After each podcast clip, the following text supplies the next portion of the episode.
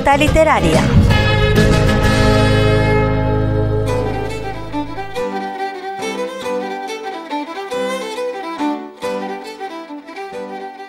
Escocia ha sido cuna de grandes escritores.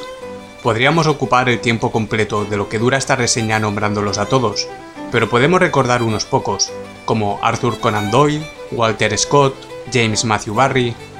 En 2004, su capital, Edimburgo, fue proclamada Ciudad de la Literatura, junto a otras 20 por la UNESCO. Hace un par de años, cuando visité Escocia, me centré en conocer la ciudad de Glasgow y la zona norte del país que alberga Glencoe, el lago Ness y las Tierras Altas, o como allí las denominan, Highlands. Conozcan a Escocia y su ciudad de Glasgow en este cuaderno de viaje si aún han tenido la oportunidad de hacerlo.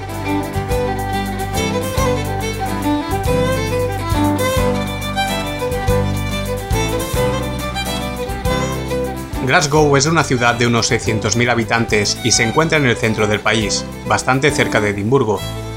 El primer día de mi visita pequé como lo habría hecho un viajero inexperto, ya que estábamos en pleno agosto y no metí ninguna prenda de abrigo en la maleta. Así que cuando la lluvia hizo acto de presencia aquella misma tarde y los grados empezaron a bajar, no me quedó más remedio que visitar una de las tiendas que podremos ver en la calle más famosa de la urbe, Buchanan Street, Allí podemos encontrar artistas callejeros de toda índole, desde mimos hasta músicos con las tradicionales gaitas.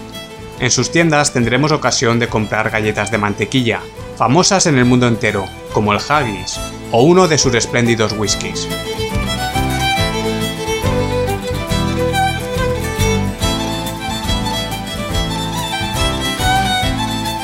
Una vez que te acostumbras al tiempo que puede llegar a hacer en esta región, consigues disfrutar al máximo tu viaje.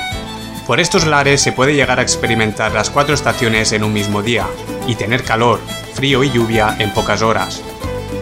Gracias a esta climatología seréis testigos de unos paisajes de ensueño.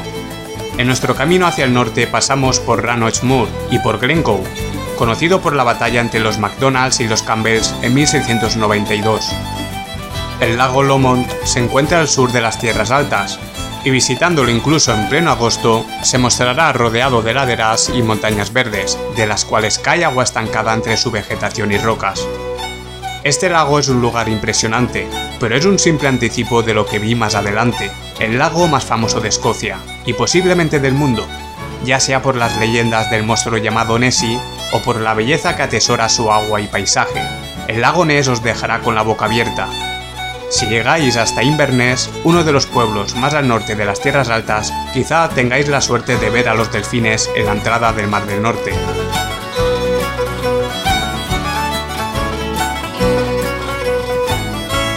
Glasgow fue una ciudad industrial y pronto nos daremos cuenta de las cientos de fábricas que se levantaron sobre ella.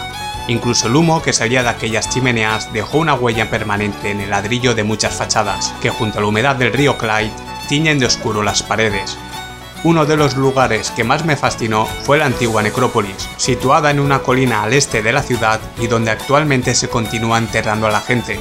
Desde este punto podremos otear Glasgow desde las alturas y tener una vista privilegiada de su catedral de estilo gótico edificada en honor a San Mungo.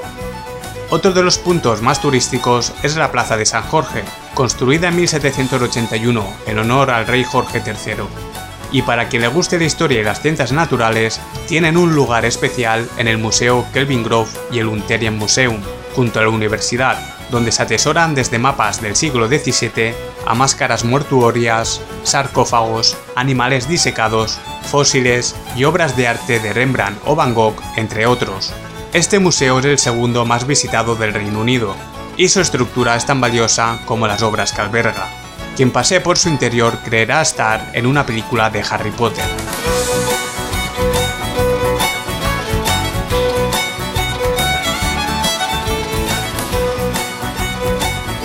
Glasgow atesora muchos tesoros, y lo bueno de esta ciudad es que puede verse en pocos días e incluso a pie, sin necesidad de coger transporte público. Eso sí, guardad uno o dos días para visitar el lago Ness o alguno de sus parques nacionales y castillos, escuchad la melodía de las gaitas y sed atraídos hacia la tierra de los cardos. Hasta la semana que viene amigos.